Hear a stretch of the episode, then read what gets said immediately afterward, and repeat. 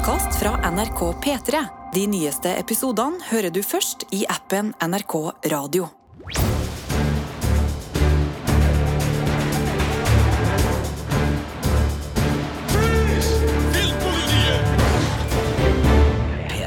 Velkommen til en ny podkast her hos Filmpolitiet. Tema for i dag ferske sommertips fra Prime Video, som du skal få av Sigurd og meg, som heter Marte. Ja, og det er jo Amazons strømmetjeneste som eh, da står på agendaen, og vi skal plukke fram serier fra det siste året som eh, vi liker veldig godt, og som vi vil anbefale. Men Prime Video er jo en litt sånn snedig strømmetjeneste, for den er jo i størrelse med tanke på hvem som har den, blant de virkelig store, altså tech-giganten Amazon sin strømmetjeneste. Men så har den ligget litt sånn, kanskje med tanke på hvor mange som har den, litt eh, under Netflix, eh, Disney Pluss og, HBO Max, eh, sånn hus, husstandsmessig. Ja.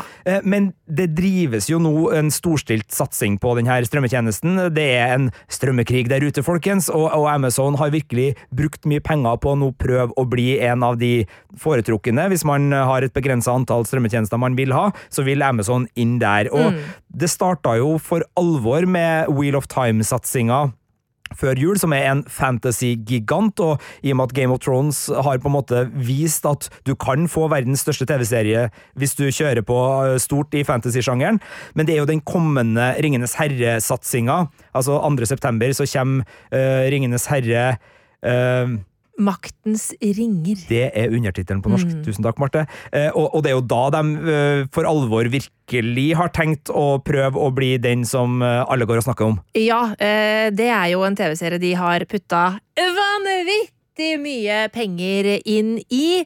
eh, Og det gjør jo noe med forventningene til oss som er glad i Ringenes herre, selvfølgelig. Vi er litt sånn der, vi ser frem til den serien med litt skrekkblandet fryd, men det er jo den serien som Amazon har tenkt til å kapre det brede publikummet med, er i hvert fall mitt inntrykk. Altså, dette, det er dette som er, for å si den forslitte uttrykket, da, Amazons svar på Game of Thrones. Ja, og vi kommer jo til å dekke den serien med egne podkastepisoder, så vi skal ikke snakke noe mer om den her nå. Men Amazon, til tross for å kanskje liksom ikke ha helt tatt det steget enda, de har mye bra. De har mange storsatsinger allerede, og mange litt mindre serier som også er å anbefale. Og det er jo det denne podkasten skal handle om.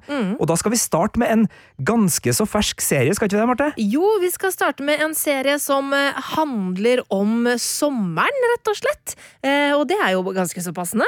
Eh, og den handler om forelskelse på sommeren. Den handler om det å være tenåring og forelska på sommeren.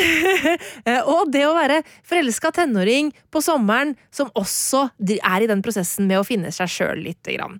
Jeg snakker da om The Summer I Turned Pretty, som jo er en tittel som man kanskje kan rynke litt på nesa over, fordi det er jo en sånn veldig sånn klassisk eh, og litt sånn forslitt og teit historie. Hun derre jenta som liksom eh, kanskje så litt sånn eh, grå mus ut, men så var hun egentlig pen all along, ikke sant? Hele den greia der. Eh, men dette her er en Det, det er ikke noe veddemål med i denne serien? det er heldigvis ikke okay. noe veddemål med i denne serien. Men dette her er en, en ganske fin eh, fortelling som jeg kosa meg eh, veldig med. Og den handler da om Belly, eh, som gjennom hele livet sitt har eh, vært eh, med da eh, broren sin og moren sin på feriebesøk hos morens nære beste venninne, eh, og hatt da sommerferie med eh, deres familie eh, og de to sønnene i den familien. Og hun har jo da alltid, alltid, alltid, så lenge hun kan huske, ikke sant, vært forelska i Conrad, eh, som er den eldste broren i den eh, flokken der. Eh, og så har hun vært liksom god venn med Jeremiah, som er den yngste broren i den flokken. Eh, og så er jo da spørsmålet, selvfølgelig, eh, vil denne sommeren, når hun nå endelig blir liksom begynt å bli lagt merke til av gutta, eh, fordi hun har kommet til puberteten og på en måte har liksom begynt å finne seg sjæl på den utseendemessige fronten, da. Eh, Vil de nå på en måte se henne for den kvinnen hun selv føler at hun er, hvis du skjønner? Eh, Du nevnte jo litt sånn at det er eh, Nå legger jeg eh, ord i munnen på deg, og det skal ikke jeg gjøre, men altså sånn, det er jo noen fallgruver muligens rundt en sånn her historie Absolutt. når det gjelder klisjeer. Eh, Hvordan klarer den å, å balansere både det gjenkjennelige med kanskje det litt friske, som, som gjør at du som har sett eh, et par filmer og et par serier opp igjennom, og, og lest noen bøker, likevel føler at det her er ei historie som eh, svinger? Ja, det, det er fordi at det, det er ikke en sånn derre eh, å, du var så stygg før, og nå er du blitt superheit-fortelling. Uh, det er ikke sånn å, ta av deg brillene, og så er du wow! Altså, det er ikke den greia der. Det har vært en naturlig utvikling, og det er jo en naturlig greie i at uh, når man blir eldre, at man føler en dragning til hverandre når man begynner å bli tenåringer og sånn, ikke sant? Annet enn når man kanskje er barn og bare er venner. Eh, sånn at det, det er en mer sånn naturlig utvikling på akkurat det der. Og så er jo kanskje den tittelen 'The Summer I Turned Pretty' litt tilskrudd med tanke på det, da. Eh, men eh, jeg må jo si, vi befinner oss jo da i en sånn eh, typisk sånn amerikansk feriehus. Eh, Nå husker jeg ikke akkurat hvor det er vi befinner oss i verden, men det er sånn type sånn som du har sett når det er snakk om The Hamptons og sånn. ikke sant? Det er et sånn type feriehus vi befinner oss i. Um, uh, altså, morens venninne eh, Susanna, spilt av Rachel Blanchard, hun er, hun er stinn, hun er dritrik, uh, og det huset er jo helt utrolig fantastisk, rett ved stranda og alt det der. Og det er også en sånn derre, du vet den derre countryklubben uh, hvor det skal være en sånn såkalt cotillion, hvor da eh, de unge kvinnene, de unge jentene som på en måte har blitt gamle nok, skal presenteres for hoffet, holdt jeg på å si, som jo da også Belly skal være med på. Og det er jo en del av det derre veldig sånn picture perfect eh, Hollywood-pakka som The Summer I Turned Pretty bruker, men så er Og det er en innpakning som er alt den er, og som jo i seg selv kan være en klisjé. Eh, Men i denne fortellingen så er det også en sårhet, det er en sorg, og det er underliggende temaer som også spiller inn på historien her, som gjør at den blir litt dypere enn bare det å på en måte feste, øh, være pen, bli presentert øh, for de andre rike folka og hele den pakka der. Jeg har jo sett uh, en film som heter Dirty Dancing, Ja. uh, og så vet jeg at du er glad i en serie som heter uh, Downton Abbey.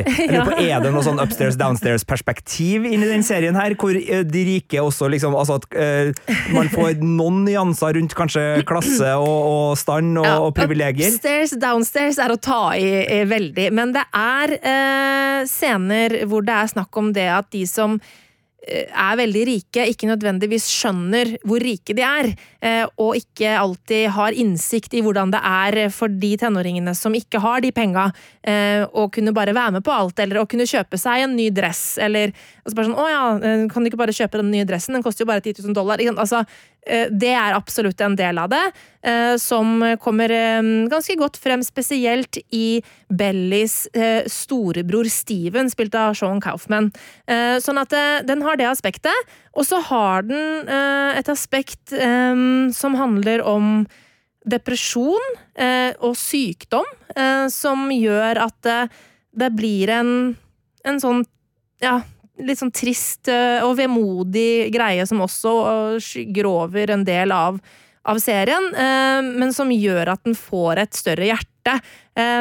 Og så, så skal jeg ikke uh, avsløre noe, noe om hvordan måte denne sesongen ender, men det er jo da Det er jo et trekantdrama her. Det, av, det er sånn det er i traileren og hele, heller sånn pakka, fordi uh, som sagt, serien heter The Summer I Turned Pretty, og så kan det jo da kanskje virke som at både, altså begge brødrene i den andre familien, både Jeremiah og Conrad, kan kanskje se ut som at begge to har litt grann interesse for Belly, og hva er det som da kommer til å skje? Åh, det får du ikke vite i denne podkasten fra Filmpolitiet, hvor Marte Hedenstad starta Prime Video-tipsrunden med The Summer I Turned Pretty. Det er lett sett, det er gøy, det er deilig, men det er også på en måte litt sånn ordentlig ektefølte ting inni der. Et godt tips.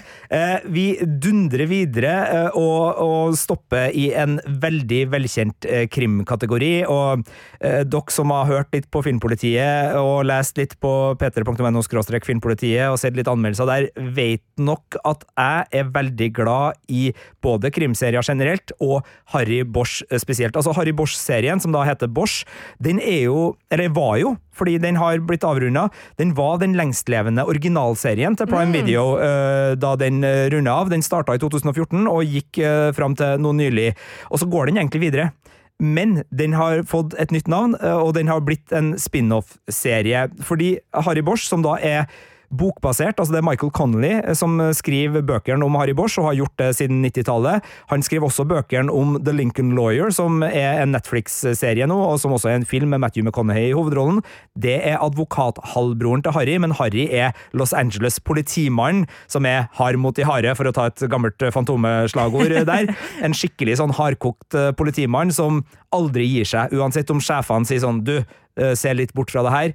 Nei, han er på utkikk etter eh, rettferdighet for, for, sine ofre, og, og, eller ikke sine ofre, for ofrene han møter i sitt virke som politimann. ja, han, han, er ikke, han er ikke også morder. Nei, men, men, han er eh, en sånn antihelt, fordi han, ja. han, bøyer ting og tang for å få gjort det han mener rett, og det er ikke nødvendigvis alltid helt moralsk uproblematisk.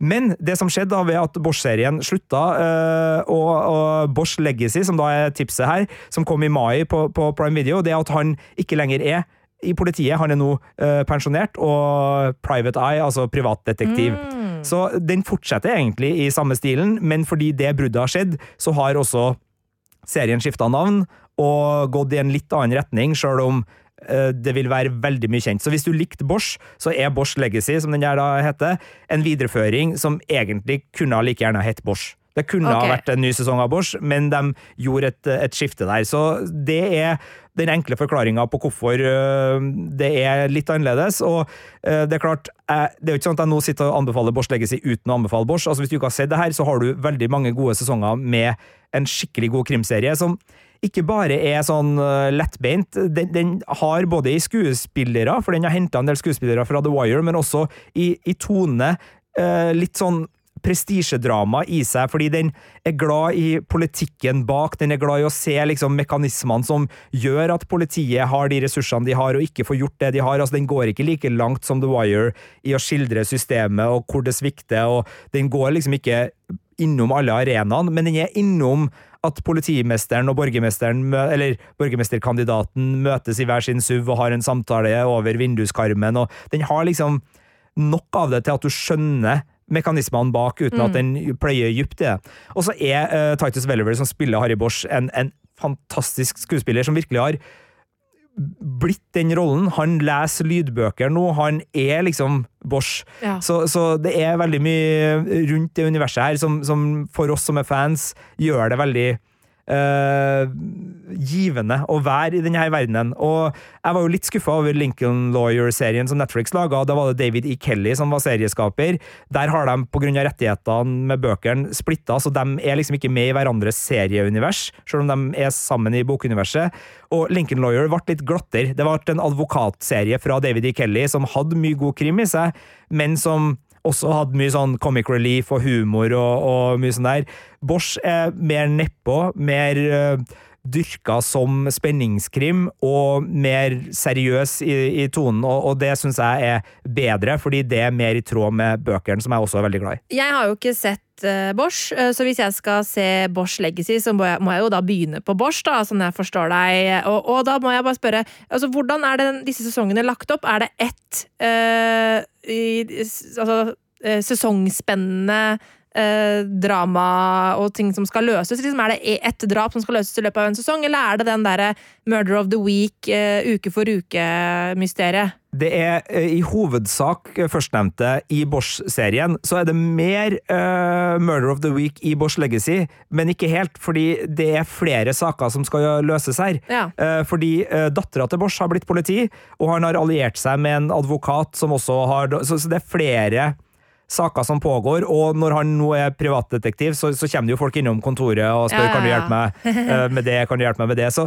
så det er mer uh, ikke fragmentert, men det er mer variert etterforskning i denne Bosch Legacy, eh, mens i Bosch-serien så er det den der litt sånn øh, klassiske strømmetjenestevarianten, hvor du har ca. ti episoder og én hovedsak, da, men også der er det andre saker. For de øh, plukker fra litt ulike bøker når de setter sammen manusene til de ulike seriene. Michael Condy er veldig involvert i det her, og det er jo veldig mange bøker om Bosch, så de har liksom litt å, å ta av, så de kan ta et, plott, et sideplott fra ei bok og, og bake inn. Men også bøkene har litt mer enn bare liksom én sak. Det er ofte et par sånne småsaker. Og han kombinerer også gjerne i bøkene sine helter, sånn at uh, Bosch og uh, broren, uh, som da er The Lincoln Lawyer, kan jobbe sammen på en sak, og har også en kvinnelig politihelt i noen bøker som er innom Bosch-universet. Så, så også i litteraturen så er det liksom rom for litt sånn småsaker innimellom, og, og der er Bosch Legacy mer i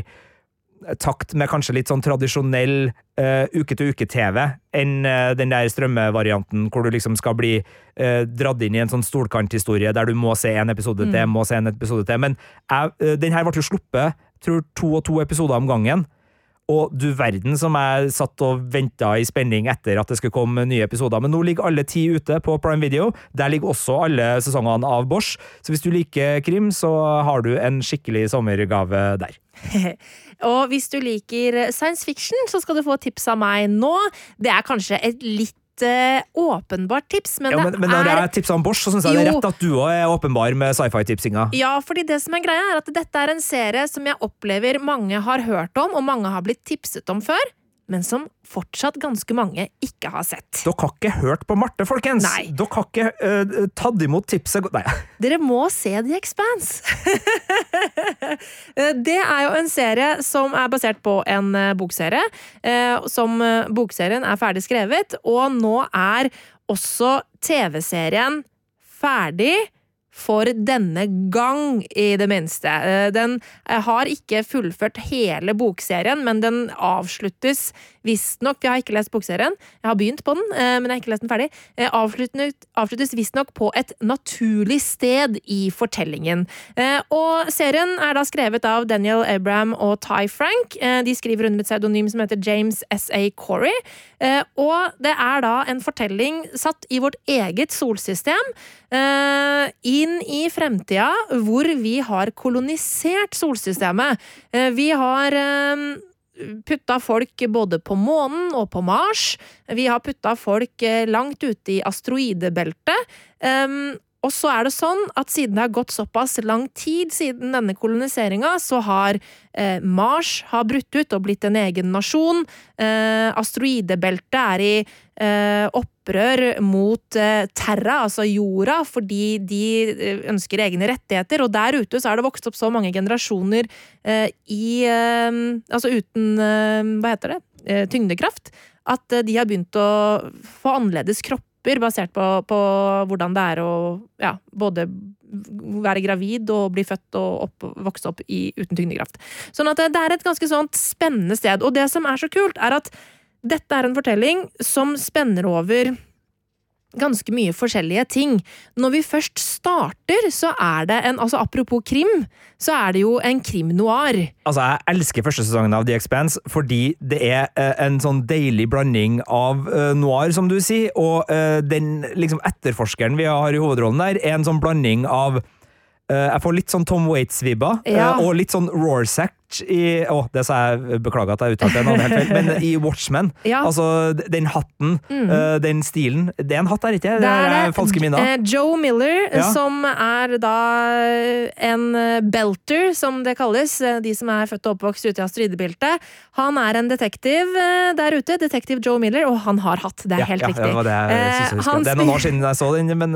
Han spilles av Thomas Jane, og han spiller denne detektiven på en sånn ganske sånn Du vet den stoiske, litt sånn eh, plagede og litt sånn gruffe detektiven. Ja, som snytt ut av et Hollywood i 33. Ja, eh, Så det er en veldig krimnoir, fordi han da får i oppgave eh, å finne en eh, jente, eller en dame, som er forsvunnet. Eh, begynner jakten på det, eh, og så skal det vise seg at hennes forsvinning selvfølgelig har med mye større ting å gjøre. Eh, og så har jeg, vet jeg ikke helt hvor mye jeg skal avsløre. Du, du kan jo eh, bare si at det blir en annen serie i løpet av noen sesonger, og at Ja. de større sammenhengene er det som er Ja. det viktige. Det er akkurat det. Og det grunnen til at du snakker om det nå, er jo for at den har en finalesesong som er ganske fersk. Absolutt. Eh, Den gikk jo ferdig eh, i år, og fikk da på en måte den store finalen som likevel holder en åpen dør på gløtt for en fortsettelse. Du har håp. Jeg har håp for det. Men ja, den begynner som en krimnoir, utvikler seg til å bli noe veldig mye større. eh, Og det som er eh, Det der på en måte grunnfortellingen er, handler om politikk og kamp om ressurser i dette eh, solsystemet.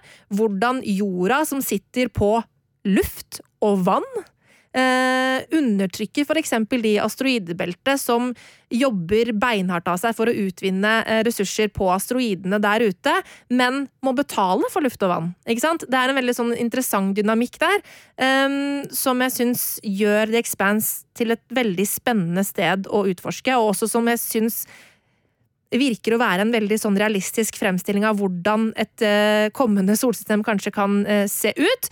Eh, og så er det også en enda større, omfattende fortelling her, som handler om utenomjordisk liv, som handler om tidligere sivilisasjoner i universet, og som har en mer sånn mystisk del over seg. Og det som òg er veldig spennende med The Expanse, er at den er så detaljert når det kommer til fysikkens lover og regler.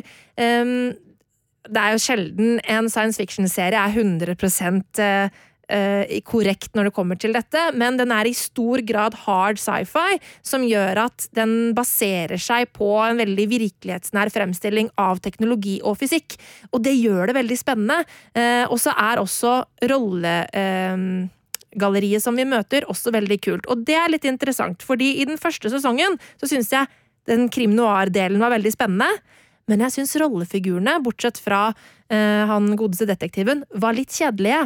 Eh, og da snakker jeg da om Jim Holden, Naomi Nagata, Amos eh, Burton og blant andre de som er da crew på eh, skipet Rosinante, som vi følger gjennom alle disse sesongene. Syns de var litt kjedelige i starten, men de vokste altså på meg, som det heter på godt norsk, eh, og jeg ble veldig glad i dem, eh, og syns de var en skikkelig spennende gjeng å henge med. Og så må jeg også eh, trekke frem Shore Agadashlo, som spiller Christian Avarsala, som er da eh, FN eh, Ikke FN-predisent, altså hva blir det?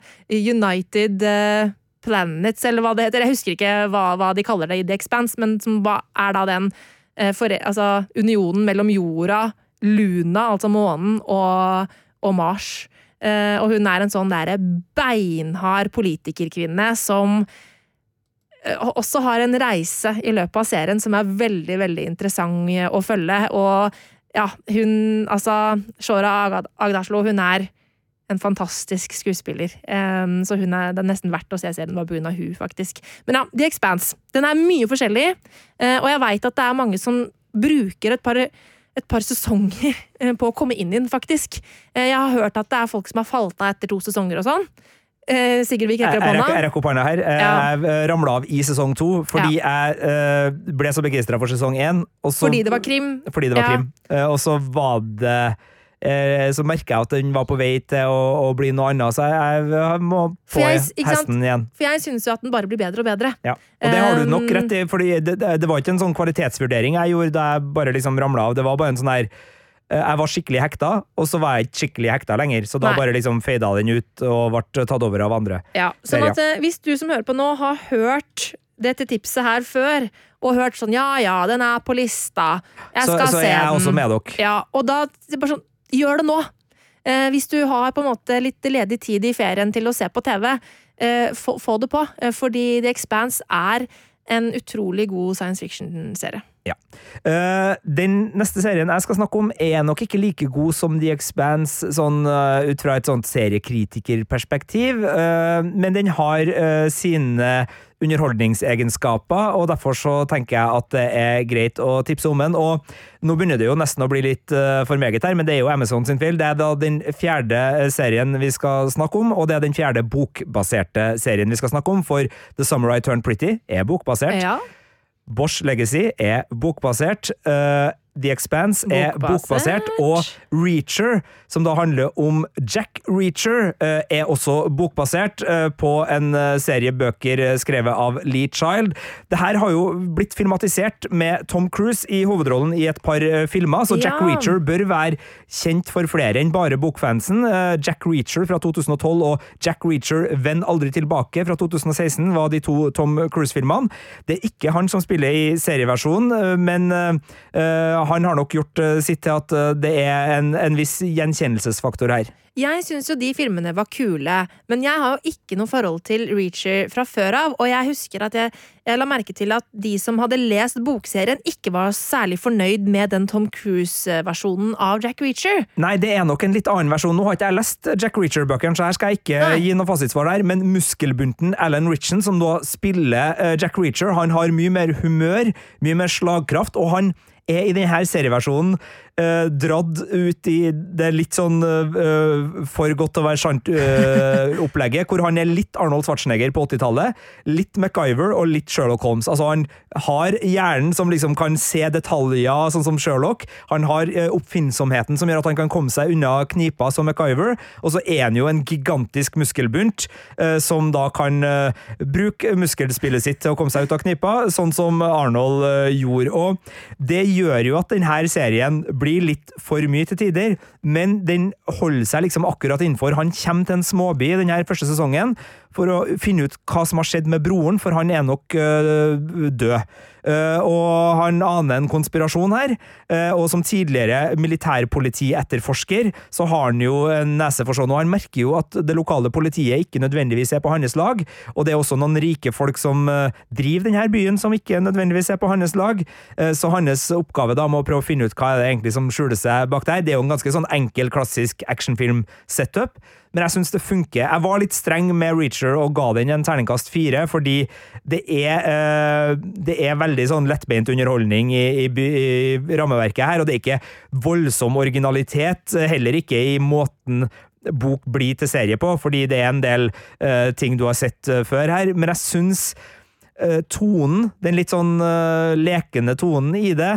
Uh, jeg syns birollefigurene og jeg syns uh, sjølve liksom, konspirasjonen og historien har nok sånn spenning og framdrift til at jeg eh, liker veldig godt å, å spise frossenpizza til det her. Så det er en sommerlett krimserie som ikke er like alvorlig og ikke like drivende spennende som Bosch, for eksempel, men som er mer humørfylt, og som har mer av den actionfilmgleden som enkelte syns eh, trengs for at de skal bli underholdt. Så hvis du liksom syns at litt sånn øh, saktegående krim er for kjedelig, så vil nok Reacher være et øh, godt øh, alternativ. Og hvis du har sett komiserien Blue Mountain State, så vil du også kjenne igjen hovedpersonen her, fordi Alan Ritchen spilte da sportsidioten Thad i den serien, og det er en serie som jeg og mange med meg øh, var glad i da den kom. Den har nok kanskje ikke holdt seg så veldig godt, men den var superteit. Skikkelig, skikkelig superteit da den kom, og Alan Ritchen har eh, tatt med seg den komiske timingen som han visste i den serien. Så selv om han er liksom en sånn Først og fremst en eh, gigantisk svær muskelbunt som kler rollen fordi han er en actionskuespiller, Ja. så har han også den komiske timinga som gjør at han klarer å, å fungere i det litt mer raffinerte spillet som, som kreves for at eh, det skal være artig og lunt og trivelig å, å se på den her eh, eh, greia. Så godt sofaselskap. Ikke fantastisk serie, men god sommerunderholdning, så den blir med her nå. Jeg kjenner at det appellerer til meg. Jeg får, får lyst Ja, til jeg, å jeg tror se på du, det. mer, du vil nok trives bedre med Reacher enn med Bosch, tror jeg kanskje. Ja. Eh, For du, du har jo ikke begynt å se Bosch etter Nei, at jeg har det er jo en anbefalt det jo siden grunn. 2014. 100 ganger har du anbefalt Bosch. Jeg Jeg bare, ja, ja. Ja, Og så blir jeg alltid sånn mm, Det høres spennende ut. Og så Ja. syns jeg på ekte det høres spennende ut, men jeg gidder aldri å se. Nei, det her er nok eh, mer popkornunderholdning, og jeg tror uh, Altså, du som er såpass glad i liksom Peacemaker John Cena og litt sånn den corny actionskuespillerhumoren som Arnold Schwarzenegger også beherska, Ja, virkelig, virkelig. altså. Eh, Så, så er nok det her eh, noe. Og så er det jo eh, også eh, litt sånn Altså, det her er en litt smal referanse, da, men hvis du så Seinfeld og likte Patrick Warburton sin, uh, Warburton sin, uh, sin rollefigur der, som da var kjæresten til Elaine, Uh, en sånn ganske svær type som var litt sånn ikke enkel, men han, han, han var litt sånn Jo, han, han ble framstilt litt enkelt innimellom, men han var ikke det. Og, og sånn er det. No, det er noen sånne snev av det i Reacher, at han liksom lar folk tro at han er litt Ja, ja, ja. eh, enkel. Fordi en, eh, han spiller på de stereotypiene, og så, så er han jo da både Sherlock Holmes og MacGyver. Ikke sant? Og Eh, da kan han jo lure folk. Okay, ok? kan Dette her skal jeg begynne å se. Ja, så, så den har noen, eh, noen elementer der. Men Ok. eh, nei, en, en sånn god skipsskål-serie, det her. Det er veldig bra. Og så er det jo da selvfølgelig et siste tips som er fra oss begge, som jo er det mest åpenbare tipset på Amazon Prime Video for tida. Det er jo The Boys. Ja, eh, Ferdig med sin tredje sesong nå i sommer. Eh, nok en veldig god sesong. Eh, Mm. Den har jo fått henholdsvis terningkast fem for sesong én, terningkast seks for sesong to og Ja. terningkast fem for sesong tre av deg, Marte.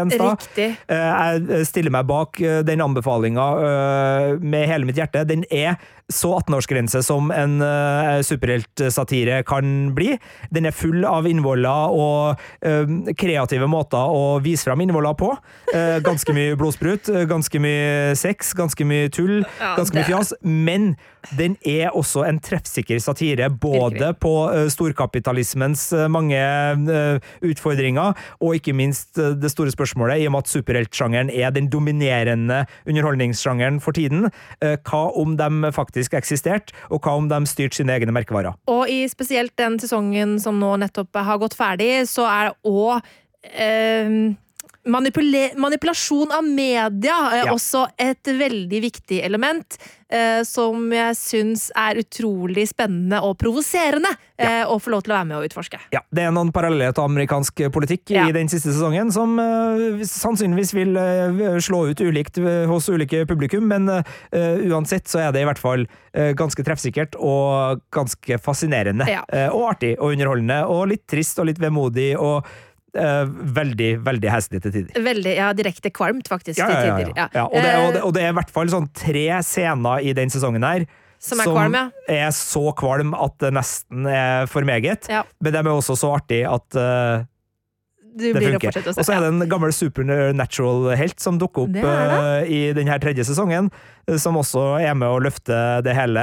En viss Winchester-pjokk Ja. som eh, dukker opp. Og han eh, spiller eh, veldig godt i denne sesongen, så det er veldig veldig gøy. Så eh, jeg regner med at hvis du har eh, Altså, The Boys er kanskje en av de grunnene til at mange skaffer seg Amazon Prime Video, er mitt inntrykk. Så Ja. du har, hvis du har Amazon Prime Video, så har du mest sannsynligvis kanskje sett det. Eh, og da stiller vi oss bare bak den avgjørelsen.